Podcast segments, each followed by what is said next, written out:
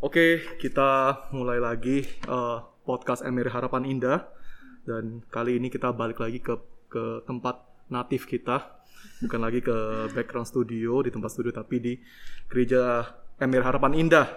Dan hari ini kita berkumpul ya untuk membahas tema um, yang saya pikir ya itu lumayan penting untuk kita diskusi yaitu tentang akun satir atau enggak sikap satir atau enggak sikap sarkas gitu ya. Dan untuk hal ini ya, hari ini ada saudari um, Ondang sama Cynthia yang bersama-sama dengan kita untuk bersama-sama menanggapi akun satir dan uh, sikap satir ini ya.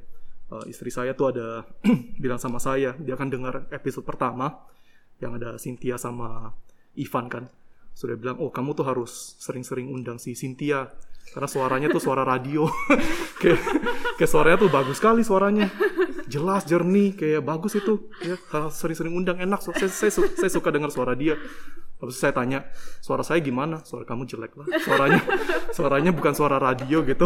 Kurang-kurang cocok jadi host sebetulnya. Tapi siapa lagi?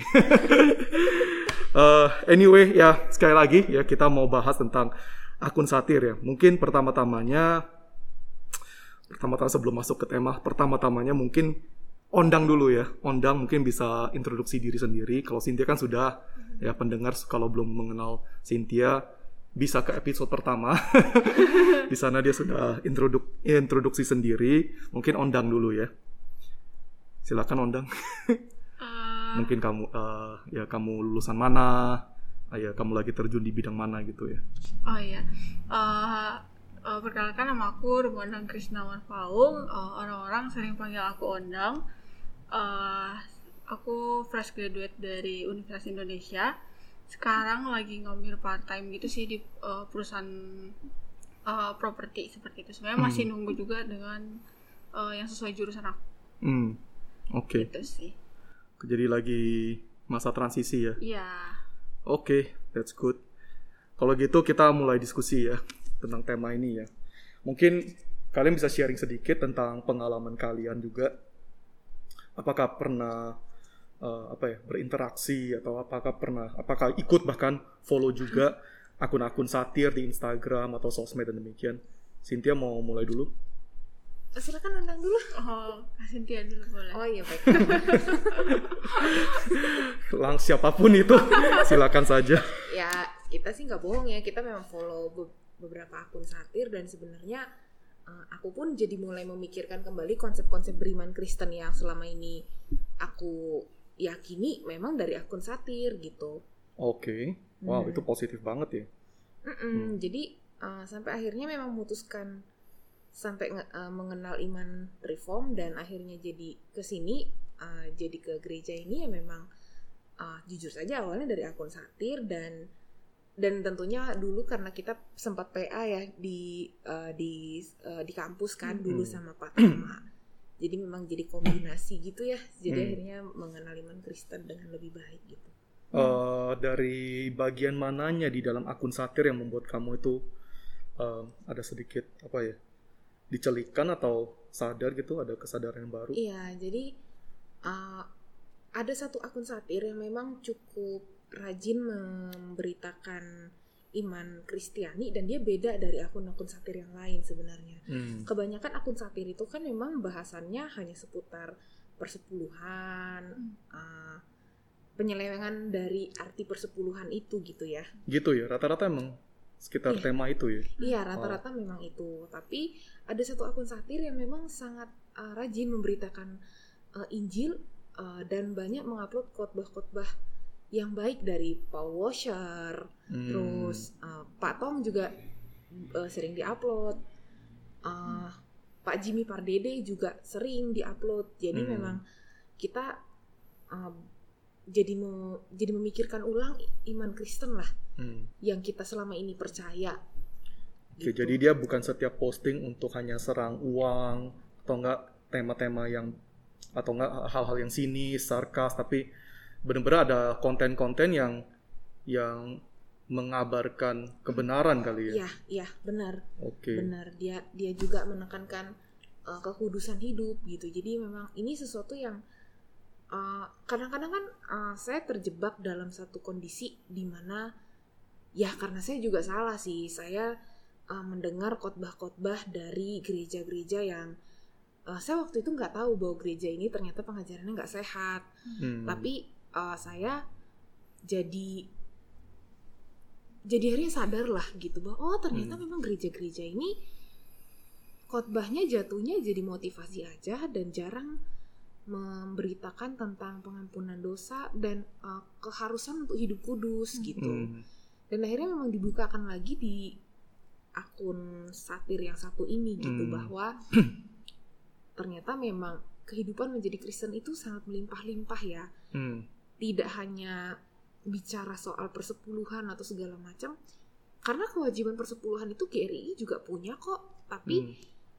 bagaimana supaya persepuluhan ini jangan jadi penyelewengan kan itu poinnya Hmm. banyak banyak akun-akun satir yang saya lihat itu membicarakan persepuluhan tuh benar-benar menolak sama sekali padahal sebenarnya sebenarnya kan poin yang salah dari persepuluhan itu adalah karena persepuluhan itu dipakai sebagai alat mencari uang Hmm. lalu dijanjikan uh, kalau kamu memberi segini maka kamu akan dilipat gandakan Hmm. gitu bahkan beberapa gereja yang saya tahu memang ada yang menaikkan persepuluhan jadi 20% gitu Hmm.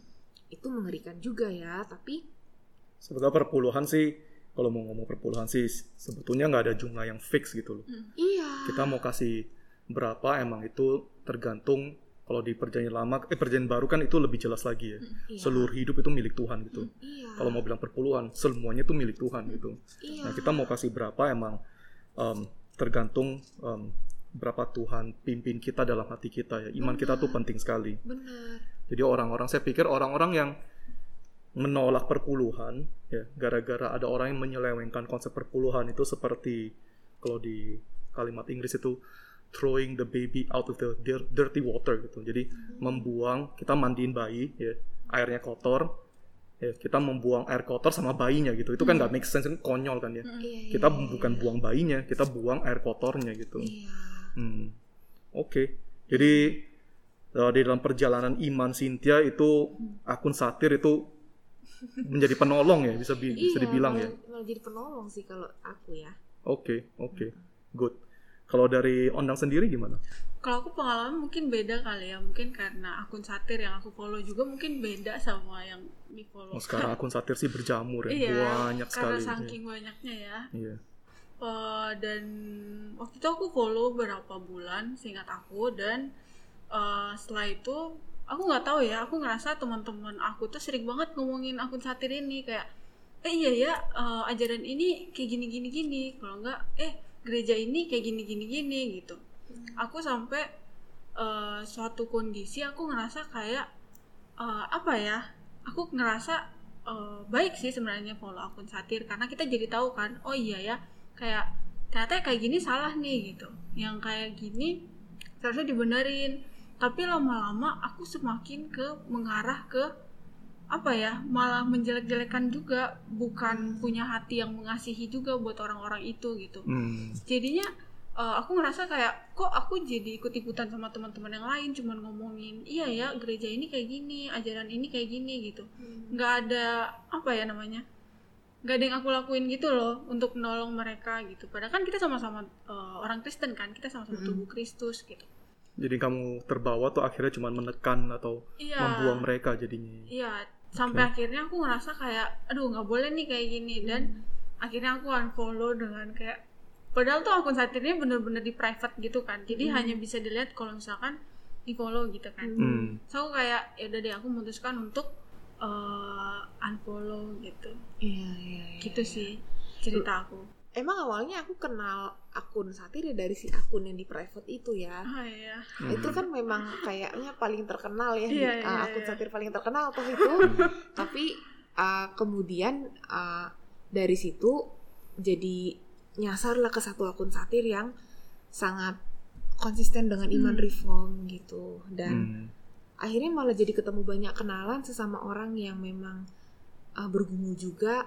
Satu orang ada yang kemudian pindah ke GRI Pondok Indah sebelumnya juga dia gereja karismatik terus dia pindah ke GRI Pondok Indah dan akhirnya uh, dia sih uh, salah satu yang jadi teman diskusi waktu saya memutuskan apakah saya tetap stay di gereja yang uh, yang sebenarnya secara pengajaran oke tapi uh, teman-temannya yang uh, uh, ya gitulah maksudnya uh, saya sadar bahwa secara komunitas uh, gereja saya yang lama itu teman-temannya mengkonsumsi ajaran yang tidak sehat sehingga akhirnya saya merasa ketika KTB uh, kelompok tumbuh bersama gitu ya uh, kalau kita mungkin uh, di sini pakai istilah OSG ya organic small Hmm, group oke. itu uh, uh, saya akhirnya malah dapatkan pengajaran yang kurang sehat gitu Hmm. akhirnya memang uh, saya dipacu terus untuk sampai saya nggak saya sulit bernafas gitu lah karena saya benar-benar didesak untuk harus terus lebih baik uh, harus jadi yang terbaik tapi uh, jatuhnya tuh cuma profit oriented gitu Hmm. padahal gereja saya sebenarnya nggak aslinya nggak mengajarkan gitu tapi uh, lingkungannya Yang dimaksud itu. kayak didesak untuk profit oriented itu maksudnya apa ya? Bisa di Jadi lebih ke kalau kita kan kita percaya ya bahwa orang Kristen itu tuntutan hidupnya tidak hanya untuk uh, cari uang, tapi bagaimana kemudian uang yang kita pakai pun bisa kita pakai untuk mendukung pekerjaan Tuhan betul. uh, dan uh, kita juga uh, benar-benar memberi hidup kita untuk pekerjaan Tuhan, termasuk pekerjaan kita. Makanya kita sangat didorong untuk uh, memberitakan Injil dan memuridkan di marketplace. Habis gitu itu yang profit oriented itu masalahnya Nah, gimana? masalahnya profit eh, dia itu merasa kalau kamu sudah profit oriented itu cukup gitu, jadi nggak usah repot-repot memberitakan Injil karena dia sendiri disuruh memberitakan Injil nggak mau. Dan itu oh, dan oke. itu dia itu adalah uh, pemimpin kelompok kecilnya gitu. Hmm. Jadi Jadi dan- yang menurut dia yang penting menjadi orang Kristen itu bisa meraih meraih banyak dan itu cukup gitu. iya Itu udah kesaksian yang sudah memuaskan Tuhan Iya. gitu.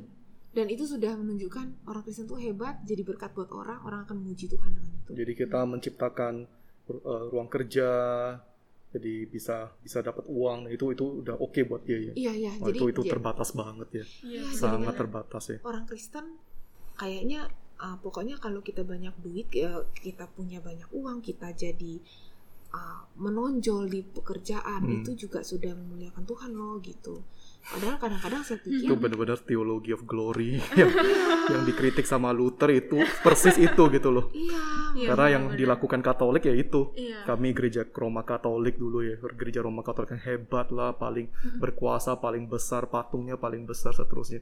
Itu yang dikritik habis-habisan sama Luther. Oke. nah memang uh, jadinya akhirnya memang saya justru tertekan di kondisi akar rumput sih.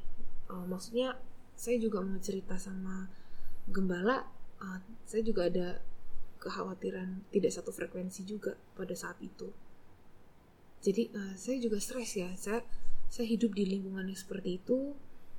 Uh, ketika jadi memang susah ketika saya mengajak mereka untuk katakan kontribusi kontribusi bagi negeri. Padahal gereja saya yang lama itu uh, secara sinode aduh ini kita nggak nggak bermaksud ngejelek-jelekin gereja ya cuma cuma memang ini beban juga gitu Hmm. padahal sinode sendiri sudah memikirkan sinode yang lama ya Hmm. itu sudah memikirkan gimana kontribusi bagi negeri Hmm. Uh, di gereja pun sudah dikotbahkan kontribusi bagi negeri tapi akhirnya mereka pun jadi nggak nyampe pikirannya karena pikirannya uh, pikirin diri sendiri dulu pikirin diri sendiri Hmm. dulu mau sampai kapan pikirin Oke. diri sendiri terus Uh, kita tuh harus ada loh kemauan untuk membereskan diri di dalam Tuhan Hmm.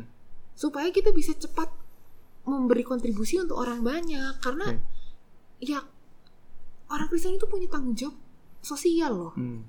Jadi salah satu hal yang di apa ya diingatkan atau ditegur oleh um, akun satir satir. dalam dalam hal ini ya iya bahwa kita makanya- tuh bukan hidup untuk diri sendiri. Iya, dan ini jadi menjawab juga ya kenapa ya saya selama ini uh, bawaannya capek gitu. Ah, mungkin teman-teman juga ada yang tahu Hmm. kalau saya tuh uh, bergumul dengan uh, depresi berat gitu ya. Hmm. Dan memang minum obat. Sampai sekarang masih minum obat, tapi Hmm. saya berasa sekali ketika saya mengenal iman Kristen dengan lebih benar, itu uh, berasa sekali memang ada perubahan gitu. Artinya eh, saya tidak perlu mendapatkan penilaian dari orang-orang karena kadang-kadang justru ketika kita hidup di jalan Tuhan tuh justru kita tuh nggak nggak dinilai orang gitu loh Hmm. ya kan justru kadang orang tuh malah ah sok suci lo gitu kan Nilai kita bukan didasarkan oleh pandangan orang lah. Iya. Itu, tapi itu itu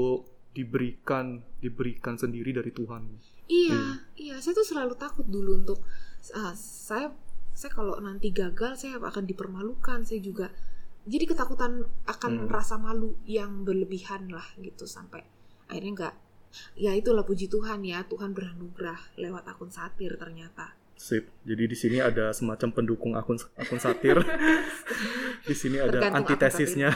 tergantung akun satir Oke, kalau kita balik ke dalam tema akun satir ini ya, sikap satir, akun satir.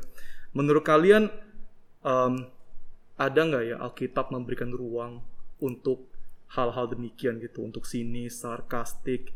Em, menurut kalian ada nggak dari Alkitab memberikan kita, memberikan orang Kristen ruang untuk melakukan hal ini? Mungkin Ondang, pendapat kamu gimana? Eh, kalau menurut aku sendiri eh, dari cara Yesus sendiri kalau misalkan ngajar ya gitu ya Hmm. ataupun mau menegur orang-orang ahli Taurat gitu yang Hmm. merasa dirinya tahu segala hal eh, menurut aku sih eh, bedanya ya kayak mungkin eh, Yesus sendiri pun menggunakan perumpamaan-perumpamaan gitu biar memudahkan orang-orang mengerti gitu Hmm. ah kalau yang di akun satir ini aku ngerasa eh, tujuannya bukan ke orangnya gitu Oke. jadi tujuannya bukan ke orang-orang yang mereka sindir gitu Hmm. jadi eh, beda kan sama Yesus sendiri gitu yang langsung ngomong Oke. Yang dilakukan ak- oleh akun satir itu apa? Eh, menurut aku mereka itu hanya eh, menunjukkan kepada orang-orang secara luas ya tidak eh, maksudnya nggak kelompok-kelompok gitu nggak eh, khusus untuk kelompok eh, Oh. gereja ini untuk aliran Mereka tuh ini, di gitu. atas ya. Mereka tuh di Iya. atas kelompok-kelompok di di Iya. dalam gereja. Oh iya. Sebenarnya itu. aku kurang mengerti ya. Mungkin Iya. akun satir ini tujuannya emang buat eh, biar orang-orang tuh sadar dan orang-orang bisa menegur. Tapi yang Hmm. aku lihat semakin jauh orang-orang tuh tahu dan cuman menyimpannya dalam hati. Kalau nggak sama teman-temannya mereka terus diomongin lah kayak gitu-gitu sih. Hmm. Jadi menurut aku eh, sangat baik sih sebenarnya kalau misalkan akun-akun satir yang ada di Indonesia pun sendiri bisa sih kayak eh kita udah tahu nih yang salah tuh yang mana gitu. Hmm. Nah kita kan nggak mungkin kan teman kita tuh cuman dari eh, aliran gereja ini aja gitu atau eh, pengajarannya ini Hmm. aja pasti ada aja kan kita temannya yang dari gereja A B C gitu. Hmm. Kita bisa loh jadi saksi buat mereka gitu. Hmm. Mhm. Menurut aku sih itu saran yang baik banget sih kalau Iya. misalkan akun satir. Maksudnya jangan sampai cuman Iya. eh Cuman membuka kesalahan. Iya membuka kesalahan. itu itu emang gitu. nggak cukup sih. Itu kan orang bilang learn from your mistakes ya. Iya, Belajar benar. dari kesalahan. Iya, Tapi belajar dari kesalahan itu ada batasnya. Iya. Karena kita belajar dari kesalahan nggak nggak tentu kita belajar apa yang baik. Heeh, Iya. bener-bener. Itu cuma berarti kita nggak mengulang kesalahan yang dulu. Iya. Tapi langkah berikutnya, kelakuan berikutnya nggak tentu itu tetap betul gitu. Iya. Tetap bisa salah B, salah C, salah D. Nah kita perlu tahu yang benar itu apa gitu. Iya. Jadi menurut kamu ya Yesus itu ketika dia mengajar dia membawa kita ke dalam kebenaran. Dan akun satir itu rata-rata terbatas hanya mereka menyatakan Iya kesalahan. betul. I see. Oke oke oke itu itu observasi yang baik sih. Kalau dari Cynthia sendiri, sebenarnya kalau aku tuh inget di Galatia itu Papua eh eh, sorry Papua, kitab Papua. ini ini ini bidat, saudara-saudara. maksud saya jadi tuh uh, Paulus ya. dia pernah tegur Kefas Itu kalimatnya tadi mau keluar Paulus ya bukan Papua ya. Oke Paulus, ya. silakan. mohon dimaafkan ya jadi Paulus itu menegur Kefas ya adalah eh, eh, Kefas itu Petrus kan ya Hmm. ceritanya waktu itu Kefas mengharuskan orang untuk sunat padahal itu orang Yahudi nah ai- akhirnya memang Paulus Wait menegur wait wait. Kamu yakin ceritanya begitu? eh ini nggak gimana sih ceritanya? Ini cakap mau nggak mau gimana sih ceritanya? Enggak itu yang yang Paulus kritik Petrus kan. Ah, Itu ketika dia duduk dengan orang-orang non Yahudi, lalu ada kelompok orang Yahudi datang ya kelompok orang Yahudi yang menuntut kamu harus ikutin Taurat, harus sunat dan Oh, iya, seterusnya. iya, Habis itu iya. Petrus pindah meja gitu kan. Iya, iya. Petrus pindah meja duduk sama orang-orang yang Yahudi ini. Uh, Dia kayak merasa malu untuk duduk dengan orang-orang non Yahudi. Oh, itu iya, yang iya, dikritik iya, sama Paulus. Ya betul ya. iya. Oke, ya. oke lanjut. Poinnya di, yang penting Iya, poinnya tuh di poinnya. mana gitu. Iya iya iya. Eh, iya. Eh, jadi memang aku mikir ya minta maaf lah ya kurang kurang riset Nggak, nggak, nggak. tapi Yang penting poinnya aja. ya. tapi kan penting. pada poinnya memang eh, pada pada pada akhirnya sebenarnya dalam kasus tertentu kita bisa saja menyebutkan kesalahan orangnya dan apa yang dia perbuat Hmm. gitu. Tapi memang konteks ini nggak bisa kita terapkan di Indonesia. Hanya di luar negeri ada aku lihat beberapa akun eh, bukan akun satir sih, Hmm. tapi eh, akun rohani berperspektif reform. Hmm. Itu memang mereka nyebutin salah eh, si ini si ini salah si ini salah gitu. Oke. Kenapa di Indonesia nggak bisa? Karena kita ada UU penistaan agama. Ternyata itu ya. Itulah alasan kenapa semua akun satir itu di lock ya. itu harus harus kita follow di di di di, di add dulu baru bisa kita ikut. Oke. Oh, iya, Karena undang-undang itu itu make sense. Saya aja nggak kepikir loh. Sama aku juga. Saya aja nggak kepikir loh. Oke. Benar juga. Ada lagi Pak yang mau ditambahkan? Iya. Tapi ada loh uh, akun satir yang reform tuh uh, aku follow satu lagi itu akun meme. Itu yang punya Hmm. orang reform itu nggak di private kok. Hmm. Terus akun yang aku bilang itu yang yang upload uh, Jimmy Pardede, Paul Washer, Hmm. itu juga nggak di private kok. Hmm. Tapi dia tidak tunjuk siapa yang salah. Hmm. Yang dia lakukan adalah dia mengulas kesalahan-kesalahan itu. Jadi dia tidak direct nyebut orangnya, dia hanya Hmm. ulas kesalahannya dan dia berikan koreksi. Dia berikan koreksi yang dalam itu termasuk tersirat ya. Semua Mm-mm. message-nya tuh tersirat di dalam, Tersirat, bukan iya. tersurat gitu. Iya, message-nya tersirat. Tapi saya agak bingung ya. Kalau kita akun satir di Indonesia, ya kalau misalnya saya Kristen, Hmm. saya buka saya buka satu akun kak satir, saya kritik secara direct sebut nama gereja tertentu, apakah itu bisa penindasan agama ya? Saya juga Kristen loh. saya juga Kristen, saya nindas, Iya, iya. saya kayaknya nggak bisa dibilang nindas agama juga ya. Kecuali saya sebut agama orang lain gitu, agama non Kristen misalnya. Setahu saya penistaan agama itu UU-nya agak-agak pasal karet sih. Ah, Hmm. Dulu oke. itu isu-isu yang sangat eh, di 2016 kita tahu lah ya isu itu kan kenceng banget. Itu memang Hmm. banyak ulasan yang menyebutkan itu pasal karet, banyak Oke, pasal oke, karet. oke. Setahu setahu saya Oke, ya. oke itu itu side point lah ya, itu Iya. side point. ya. Ya. Oke, Silakan. em, eh, kalau dari saya ya, saya lihat di dalam Alkitab itu sebetulnya ada ruang buat sarkas sama sinis atau enggak sikap satir seperti ini. Jadi orang-orang yang buka akun satir, ya kalau mau secara positif, Hmm. Alkitab juga memberikan ruang itu. Ya. Tadi kamu bilang contoh Yesus ya, Yesus membawa arah kita ke dalam kebenaran. Tapi Yesus itu juga membuka dengan kalimat-kalimat satir juga itu juga ada gitu loh. Yesus pernah bilang um, ketika orang-orang Farisi datang kepada Yesus, dia mereka bertanya kenapa Yesus makan sama orang-orang berdosa itu. Yesus itu jawabnya kan itu kan sinis ya, satir gitu loh. Bukan orang sakit yang member- memerlukan tabib itu. Eh, bukan orang yang sehat memerlukan Iya, tabib, yang sakit malah yang memerlukan tabib. Itu itu satir. Em, Elia masih ingat kejadian Elia sama Baal? Mhm. ketika itu semua imam-imam Baal mereka menyembah tapi kayak Baalnya tuh nggak tanda kutip nggak bekerja ya. Nggak ada respon. Elia tuh kan kayak sinis kan. Dia tuh sarkastik gitu. Ya coba mungkin Baal kamu tuh dewa kamu lagi tidur kamu harus kamu harus teriaknya lebih lebih keras lagi suaranya. Itu kan semua sinis gitu ya. Jadi emang ada ruang di sana gitu. Cuman tetap emang ada keterbatasannya ya. cuman tetap ada keterbatasannya. Dan juga saya lihat itu ada prinsipnya ya. ada prinsipnya untuk kita melakukan satir gitu. Salah satu yang saya pikir yang sangat penting ya yaitu kita bukan kita nggak boleh satir atau kita nggak boleh sarkas ya terhadap orang yang rendah gitu. Ya. Itu kayaknya di Alkitab tuh nggak ada ya. di Alkitab tuh mereka hanya melakukan sikap sarkastik kepada orang-orang yang di atas yang anggap dirinya tuh paling hebat ya yang paling benar atau whatever ya dan dan mereka melakukan sikap itu tapi terhadap orang rendah ya walaupun dia salah ya, walaupun dia salah ya, kayaknya tuh nggak muncul. Mm. Saya pikir ini ini prinsip yang mungkin kita semua harus pegang gitu. Iya, Oke mau lakukan satir oke, tapi jangan ke bawah-bawah arus gitu. Jangan satir atau enggak jangan sarkas kepada semua orang. ya. Ada orang-orang yang dibawa imannya masih lemah, ya pengetahuannya masih rendah. Mereka pasti salah gitu. Siapa yang siapa yang dalam perjalanan kekristenan itu dari awal udah sempurna Iya. sampai mati pun nggak mungkin sempurna. Nah ketika orang-orang demikian mereka yang mau belajar tapi mereka nggak tahu apa-apa dan kita serang mereka dengan sarkastik, ya wah itu saya pikir udah kelewatan. ya. Saya pikir mungkin di tradisi reform, apalagi mungkin kita yang lebih pinter atau lebih pengetahuan, ya kita harus hati-hati gitu.